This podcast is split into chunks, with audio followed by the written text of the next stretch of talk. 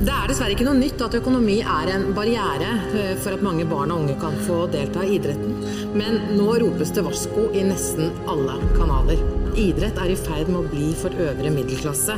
Stadig flere foreldre ber om hjelp. Hvordan vil statsråden bidra? President, Jeg er enig med representant Kristiansen i at eh, noe av det aller, aller tristeste vi hører om, er at det er unger som må stå igjen nå når familier opplever eh, vanskelige tider. Den norske breddeidretten representerer. eh, Det er noe av det aller, aller viktigste vi som politikere kan jobbe for. Her hører vi Høyres idrettspolitiske talsperson, Turid Christensen, som stiller spørsmål til kulturministeren vår Trettebergstuen om økonomiske barrierer i idretten. Gjesten i Idretten vil i dag er forbrukerøkonom Silje Sandmæl. Kanskje hun har noen tips til å få flere med i idretten?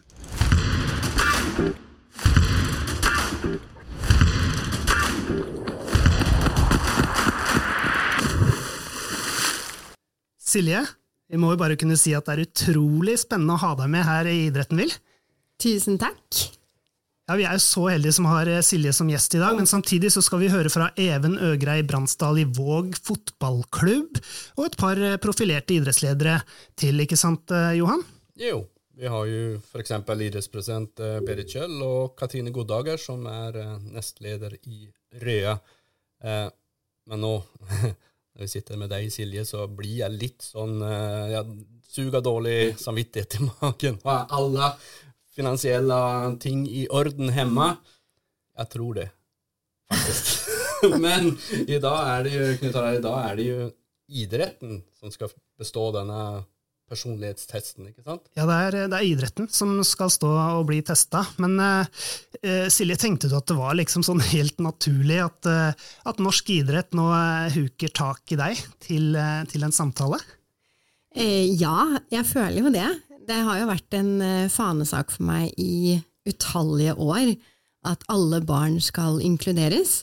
Eh, og dessverre så er det sånn at mange ekskluderes pga. økonomi, og det, det jobber jeg jo hardt for, både privat, men også så bruker jeg stemmen min fordi at jeg mener det er eh, viktig å få frem budskap.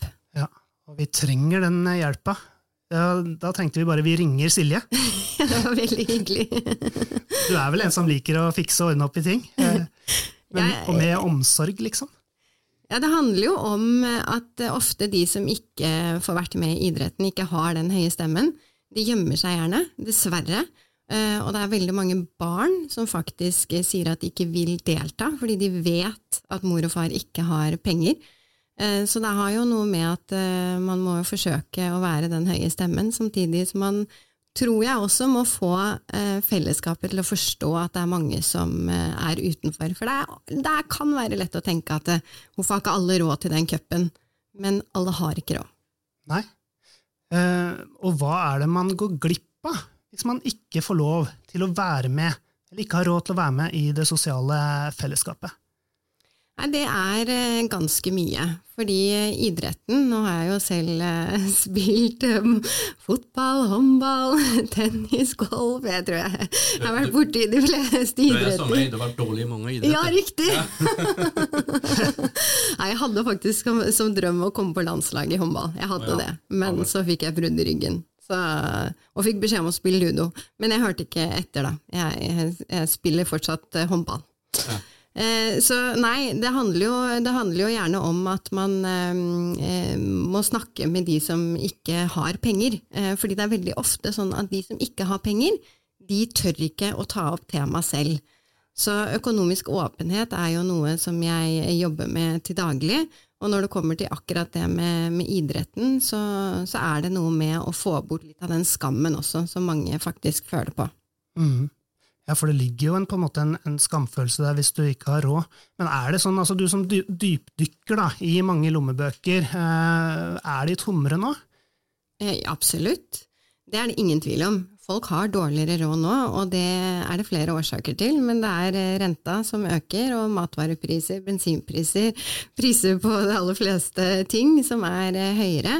Så eh, lommeboka blir angrepet fra flere sider, og da må man kutte kostnader.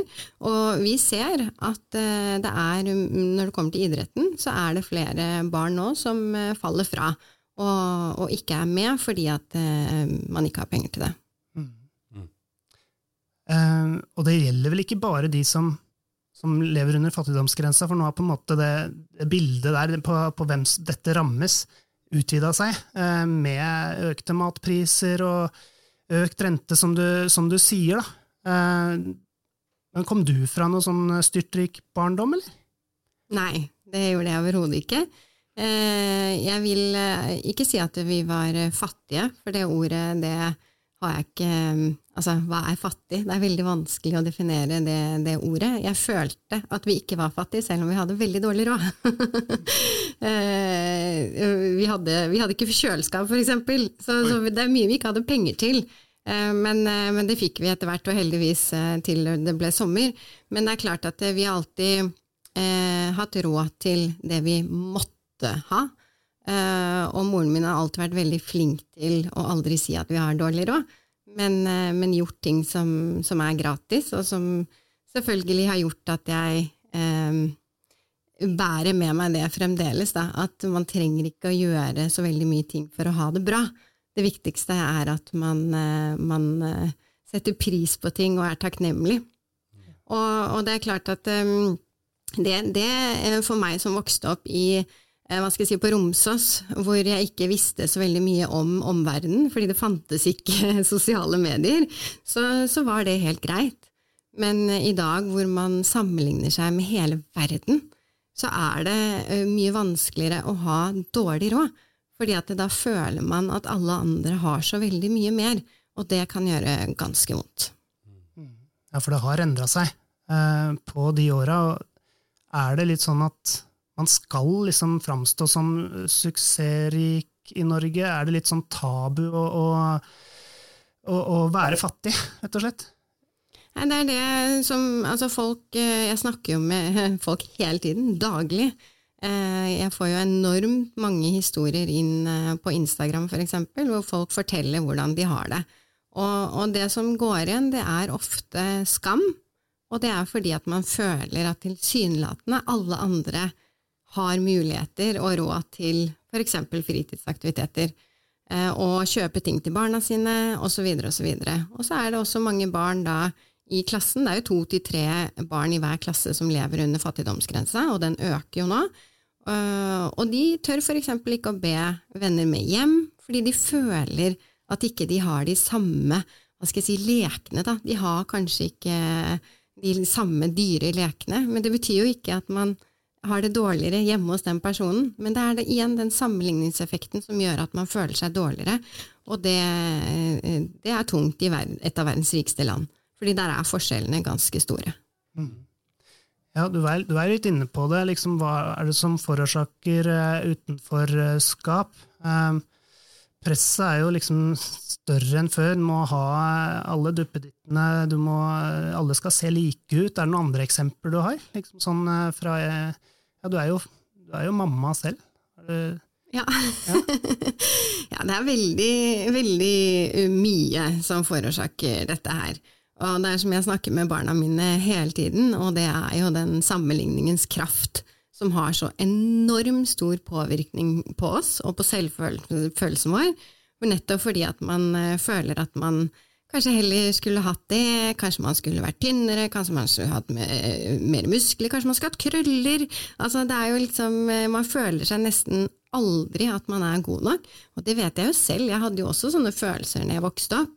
Men hele poenget er jo det at eh, vi må forsøke så godt det lar seg gjøre å være takknemlige for det vi har, for den, den vi er, og slutte å sammenligne oss så veldig.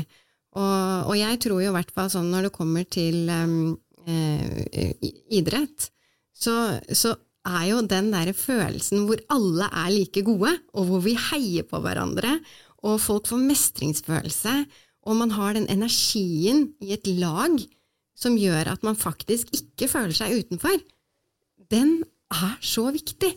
Og den er det jo mange barn som dessverre går glipp av fordi at de ikke har økonomi til å være med på et lag. Mm. Silje, jeg føler veldig på eh, engasjementet ditt. Er det, er det, sånn i foreldremøtene også?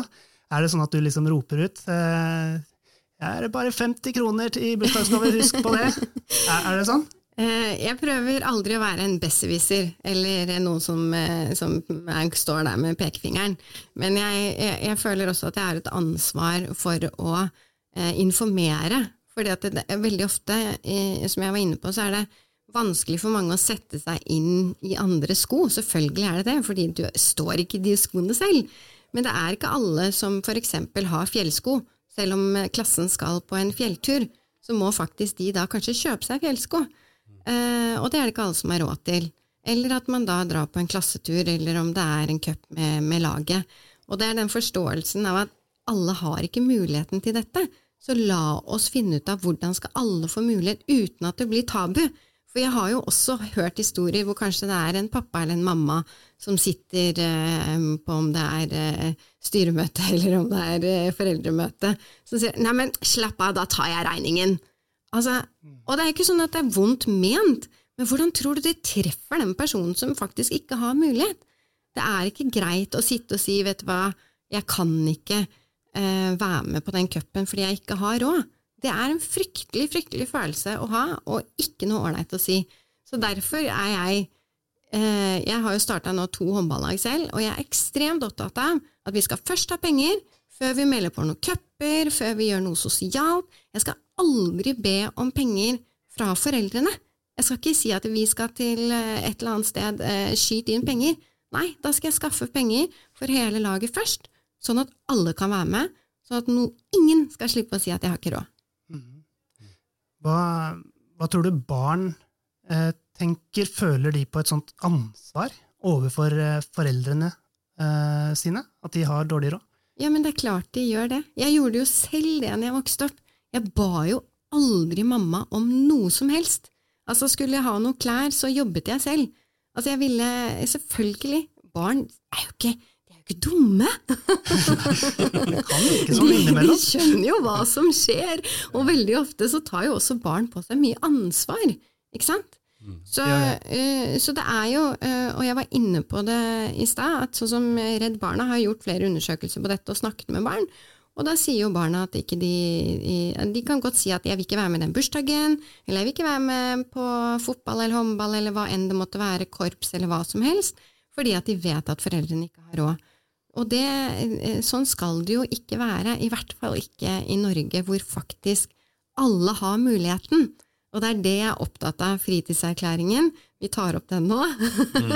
alle barn i Norge skal ha muligheten til minst én fritidsaktivitet, og det er satt av penger til dette. Og denne informasjonen er jo jeg ekstremt opptatt av skal ut til folket, sånn at alle kan faktisk få vært med. Den skal vi ta opp eh, litt senere også, men jeg tenkte på sånn eh, Du som håndballtrener, da.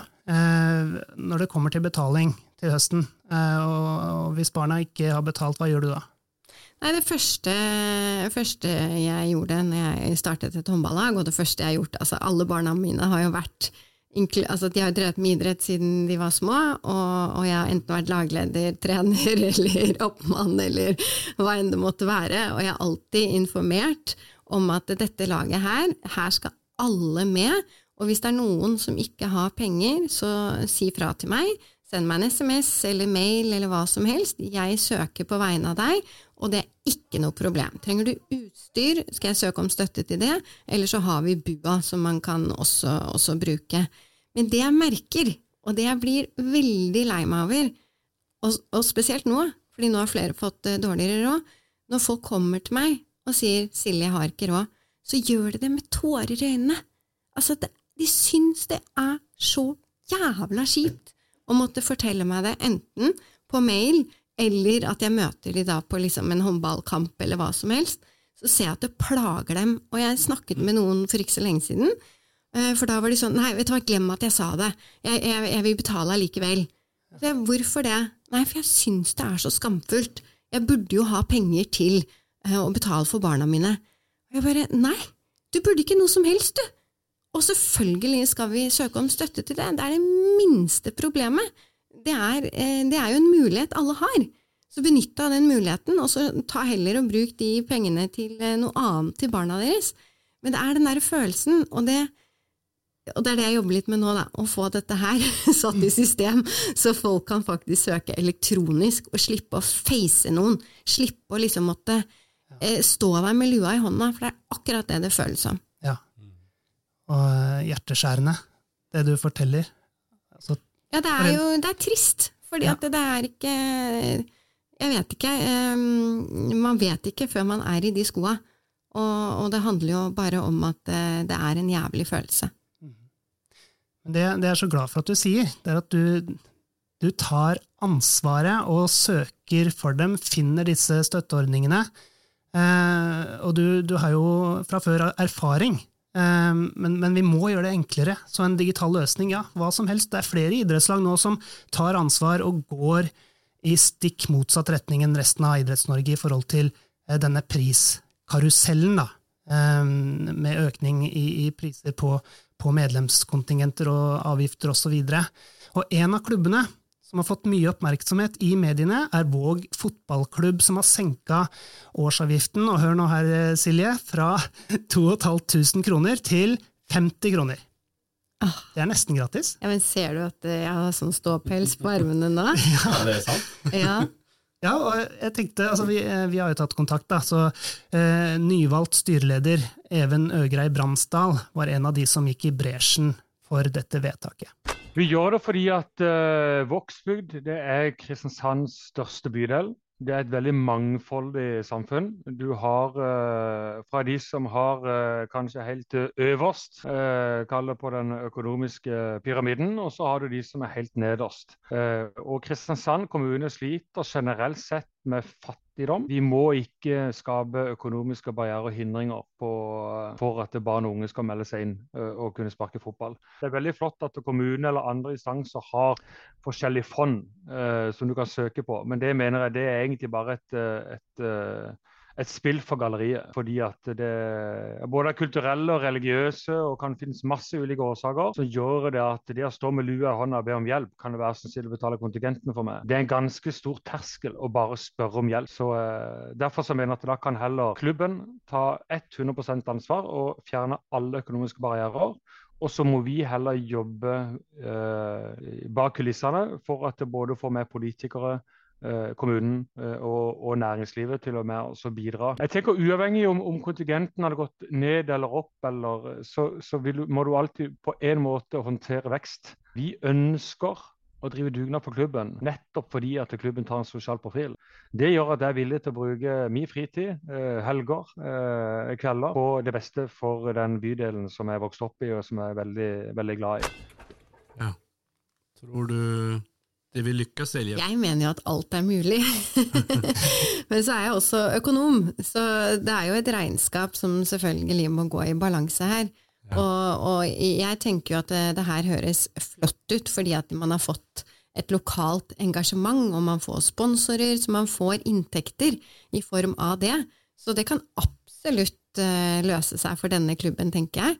Uh, men så kan det være selvfølgelig en mer komplisert løsning for, uh, for mange klubber i Oslo, for eksempel, for eksempel, som ikke kanskje har det lokale engasjementet på samme måte. Så, mm. så, her tenker jeg jo at flott at man eh, får inn en sånn eh, styreleder, for det er jo på toppen det gjerne må skje. Så, mm. så det er jo helt herlig, og så kan man lære av, av den klubben. Ja. Så fastpris eller makspris på idrett? Eh, jeg syns jo, um, og dette her blir jo eh, veldig sånn ned på politikknivå, mm. og jeg har lenge tenkt at jeg skulle gjerne ha lagd et TV-program hvor jeg går gjennom alle klubbers økonomi for å se ja. hvordan er det man kan løse dette. Hvorfor ikke? ja. Vi har mange klubber du kan komme til. det tror jeg på. Jeg tror jeg ville hatt mye å gjøre, og ja, nok det. å gjøre flere år fremover. Men, fordi det, det går jo på klubbers økonomi, men eh, samtidig, hvis man hadde klart å få støtteordningene sånn at man får, akkurat som i barnehager, en slags makspris, men da må man også ha krav på hvordan man skal drive en klubb fordi eh, det er forskjellig. Noen drives veldig bra, mens andre not so good.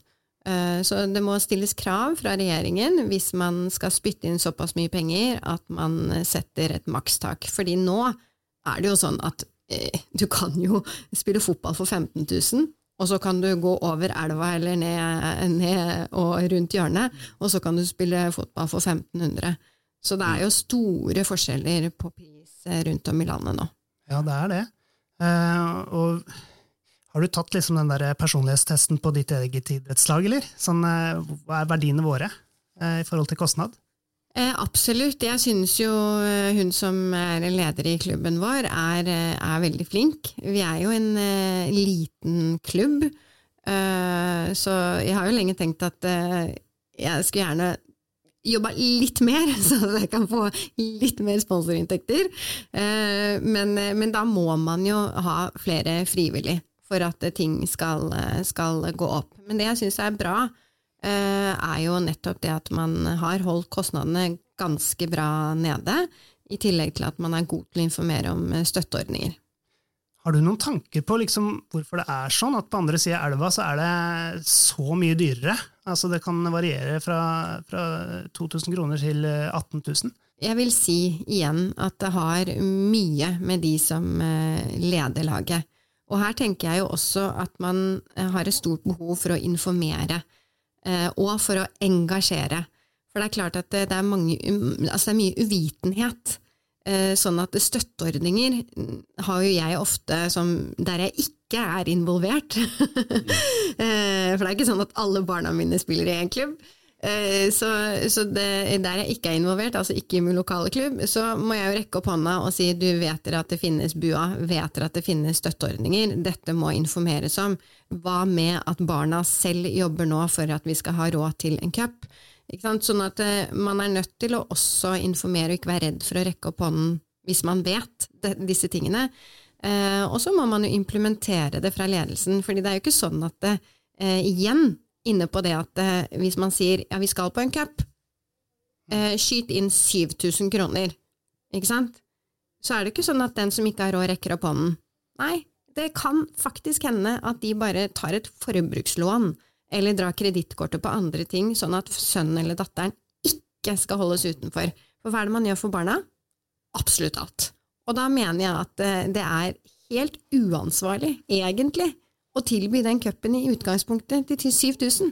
Da må man, sånn som jeg gjør med mitt lag, da må man sette opp søppeldugnader så barna går og plukker søppel. Da må man, ikke sant, selge lodd. Og for all del, ikke kjøp produkter som man må betale for på forhånd, for da ender det opp med at man må beholde de selv, eller da kanskje igjen tape forbrukslånet, dra kredittkortet på andre ting for å ha råd til de produktene. Man må ha løsninger sånn at det ikke går utover lommeboka til folk. Fordi alle har ikke lik økonomi. Så du har troa på dugnadsånden? Du er ikke sånn at du setter opp et fond med en gang? Nei, det er kanskje det jeg burde gjøre. Jeg burde investere pengene som de har til overs i klubbene. Nei. Ja, gjerne flere klubber sammen. Nå skal vi løse økonomiske utfordringene. Utfordringen til mange klubber er jo at ikke de ikke er så veldig mye på plussida. Men hele poenget er jo at ja, jeg heier på dugnadsånden. Jeg heier på å ansvarliggjøre barna og si har dere noen uh, ideer om hvordan vi skal samle inn penger så vi kan dra på cup? Altså, vi har blitt en litt sånn bomullsforeldregenerasjon, hvor, vi, hvor vi liksom eh, sier hei, hei, alle sammen på jobben min, kan dere selge sokker? Istedenfor at barna faktisk går fra dør til dør og selger sokker. Jeg er skyldig, jeg er skyldig der. Jeg gjør det, de gjør det ikke av vond vilje. Ikke, ikke, eh, ikke føl dere skyldig, men ikke liksom frata barna heller den gleden ved å faktisk samle inn penger og gjøre en innsats for å kunne dra på cup. For det, det det er ikke noe galt i det, altså. Og denne priskarusellen, da, det er jo ikke sikkert at idrettslag tenker sånn at de, de gjør det jo ikke av vond vilje, det nei, nei. heller, ikke sant? Dette er jo bare et ønske om å, å få et eh, profesjonelt tilbud. Men så er det jo sånn at det er mange som reagerer på forskjellene. Eh, og noen som har valgt å stå fram åpent i media, er idrettsprofil og daglig leder i Oslo og Akershus bandyregion, nestleder i Røa IL, Katrine Godager. Flere Oslo-klubber så, så, må foreldre punge ut med opptil 30 000 kroner i året for barnas fotballtrening. Og det er jo en priskarusell som du er Du motsetter deg rett og slett. Du syns den er helt vill? Den er helt vill. Ja. Det er den. Jeg syns at barns deltakelse i, i, all idrett, for så vidt, men, men, en idrett som fotball som i utgangspunktet ikke trenger å koste så mye, det syns jeg høres veldig, veldig mye ut. Unødvendig dyrt. Men hva er det som gjør at det blir så dyrt? Jeg tror det er flere kostnadsdrivere. Det har jo blitt en stor økning i profesjonalitet på, både i, i, klubb generelt, men på trenersiden. Og så er det et, et visst utstyrskrav. Og så er det treningsleir, reiser, cuper med overnatting og, og på en måte lengre transportetapper enn en halvtime i bil. Dette spinner vel ut fra en, et ønske, et naturlig ønske egentlig også, på å bli, bli god i en idrett? Ja, og det er det i utgangspunktet ikke noe galt med. Eh, og idrettens måte, si, grunntanke handler jo om å løpe fortest eller skåre flest mål eller hoppe høyest og kaste lengst, så vi skal ikke ta bort det heller. Men, eh, men idretten har fått og skal ha en veldig viktig rolle i lokalmiljøer, og da kan ikke, da kan ikke økonomi være eh, på en måte noe som holder noen utenfor. Og, må, og det er det som er mitt hovedbudskap, eller min måte, min hjertesak i dette er at når kostnadene blir så høye at, at barn ikke kan være med, så, så har det gått for langt. Men, men, tror du at dersom naboklubben er eh, dyrere, har man da et konkurransefortrinn? På det sportslige, kanskje. Det er lett, å, det er lett for, en, for, en, forelder å tenke at å, der har de profesjonelle trenere fra, fra første dag du melder deg inn i klubben. Men så glemmer vi kanskje litt i det alt man mister ved en mye mer profesjonell eh, barneidrett, da. Ja, for vi har på en måte monopol på idretten. Og eh, det er liksom fritt frem å skape konkurrerende og spissa tilbud, men, men, er det da sånn at vi trenger flere eh, typer idrettslag, flere konsepter, liksom. Altså, på samme måte som vi har, vi har Kiwi, som er god på, på frukt og, og grønt, og, og, og eh, Sprell, f.eks., som er god på kvalitetsleker og eh, barneromsinteriør. Eh, er det sånn at vi trenger flere sånne nisjer eh, innenfor idretten, og kanskje idrettslag som har masse medlemmer? Ja, det kan være én løsning, eller en, del av en løsning. At idrettslag er veldig tydelige på det tilbudet de har. Og at noen idrettslag er et, et, et eh, si, ja, lavterskelidrett på flere områder. Eh, mens andre har en annen profil.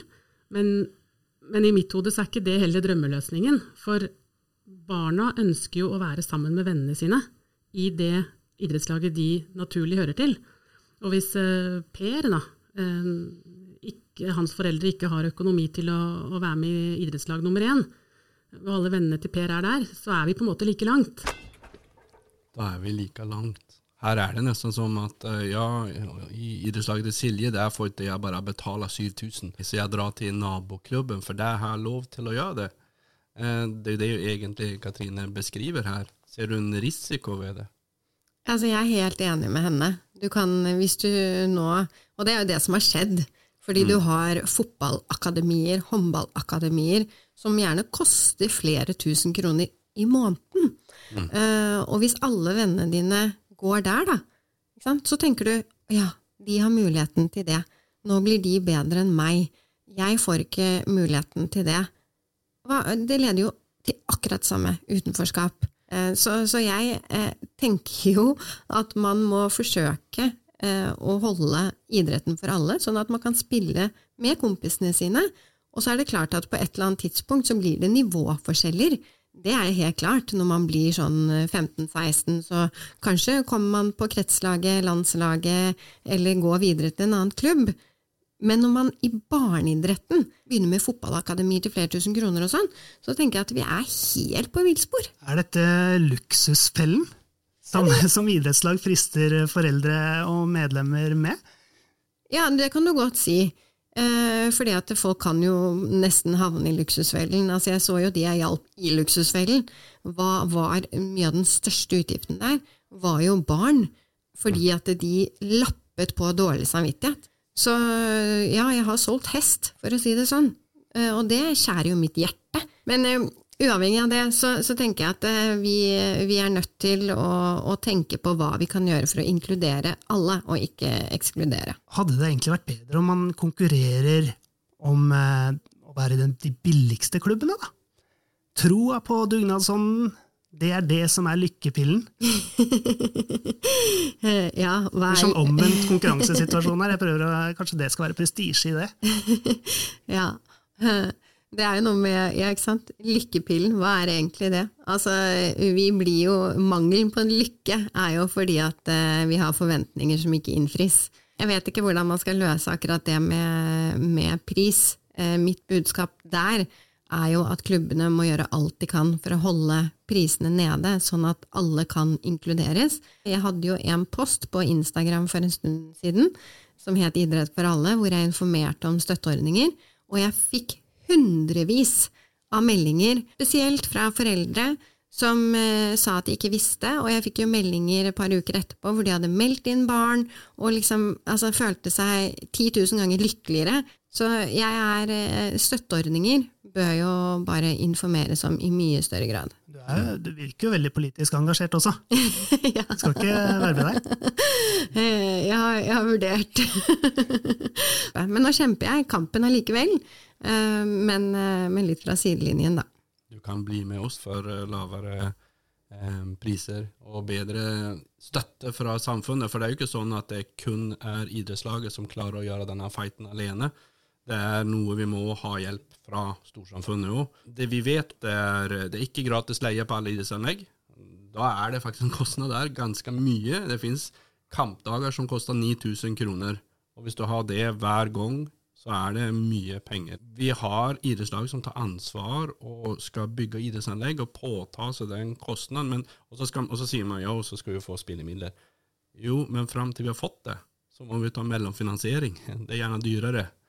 Det kunne vi fått hjelp fra kommunen gjennom at de bruker kommunebanken, eller kommunalbanken. Det er veldig få steder det skjer. Um, man skulle også kunne fått fra kommunen forskutering av den her. Vi skulle kunne fått regelstyrt momskompensasjon. Det er veldig mange ting som blir dyrere fordi systemet rundt oss faktisk gjør det dyrere òg. Uh, så denne, som du sa, dette er komplisert. Um, superkomplisert. Um, og alle disse bidragene til økte kostnader som kommer fra lokale demokrati, det gjør jo også idrettsgleden litt dyrere og litt surere og litt vanskeligere å få til. Nå, som du sa, fritidskasser er jo etablert. Det var nesten ingen som kjente til, faktisk. Det kom som eh, Hva er det for noe? Eh, der har vi jo gjort litt jobb, eh, og vi har et klipp her nå fra idrettspresident Berit Kjøll, hva hun gjorde på Stortinget. da. Fritidserklæringen ble jo signert, resignert i fjor høst. Mm. Da av statsminister og syv statsråder. Og vår utfordring da til myndighetene var hva er handlingen bak denne erklæringen? For da hadde jo denne regjeringen fjernet fritidskortet, som jo var en, en kjent ordning som var under prøve, en prøveordning. Så de hadde da etablert en ordning som de kalte for fritidskasseordningen. Og når vi hadde møte da med barne- og familieministeren rundt dette før jul, jul så utfordret vi på at vi er nødt til å ha et møte hvor vi møter kommunalminister, arbeidsminister, for å se på det tverrsektorielle rundt hvem har hvilket ansvar. Og så hadde vi også da en utfordring til eh, arbeidsministeren og Arbeidsdepartementet på Nav-ordningen. Hvordan skal vi sikre at personer som bor i eh, lavinntektsfamilier, faktisk får mulighet. Dette er nå, settes nå i system, og jeg ser frem imot revidert eh, statsbudsjett. Det gjøres eh, mye arbeid i kulissene, og fritidskassene de er, de er der, de. Har du noen sånn appell til kulturministeren? Hvordan skal vi få idrettsorganisasjonen, andre interessenter, myndigheter, sammen for å sikre en, en bærekraftig eh, økonomi i idretten? Oh, det var et stort spørsmål, men um, det er jo helt klart, fritidskassene er der. Um, og det er ikke mange år siden hvor um, jeg gjorde en liten undersøkelse og fant ut at det var noen kommuner som faktisk ikke fikk gitt pengene videre, fordi man ikke hadde systemer og mennesker til det. Så hvis det nå, for jeg har nemlig eh, skrevet ganske mange mail eh, mm. for å prøve å finne ut av hvor mye er det vi bruker nå, hvilke kommuner er det som søker. Jeg har etterlyst en del informasjon, og jeg får aldri svar. Men um, kanskje dere lykkes bedre med det, så jeg må få Det er dere til. Det er 107 kommuner som søker på den fritidskasseordningen, og det er altfor få. Ja, riktig. Tusen takk for at jeg fikk det svaret. Um, så, så jeg, igjen, her handler det jo ikke om at ikke alle kommuner ønsker å ha penger. Og, og det er jo ikke sånn at ingen klubber vil ha disse pengene. Så her må jo ting settes mer i system, og det mangler jo kommunikasjon. Og så har du jo menneskene som trenger disse pengene. Det er jo de jeg er mest opptatt av. Eh, Skal for det første få vite om ordningene, og for det andre at det ikke skal være tabubelagt. Og sånn som systemet er i dag, så vet ikke folk om det, og det er tabubelagt. Eh, Og så må det en elektronisk løsning på plass. Mm. Og det jobber jeg med, altså. Ja, du gjør det også. Jeg jobber jo i bank, tross alt. Ja. Eh, Vi må få deg med på laget, Silje, og det har vi endelig eh, fått. Altså den derre Jeg tenker altså økonomi og utfordringene, de bare har eksplodert. Eh, Og i løpet av sendingen så har vi vært innom mange ting som egentlig kan være med på å bidra, eh, ikke bare for å løfte debatten, men også senke terskelen for at denne idrettsgleden skal nå ut til alle. Tusen takk for det fantastiske engasjementet ditt, og, og da gjenstår det egentlig bare å si eh, vi høres. Vi høres.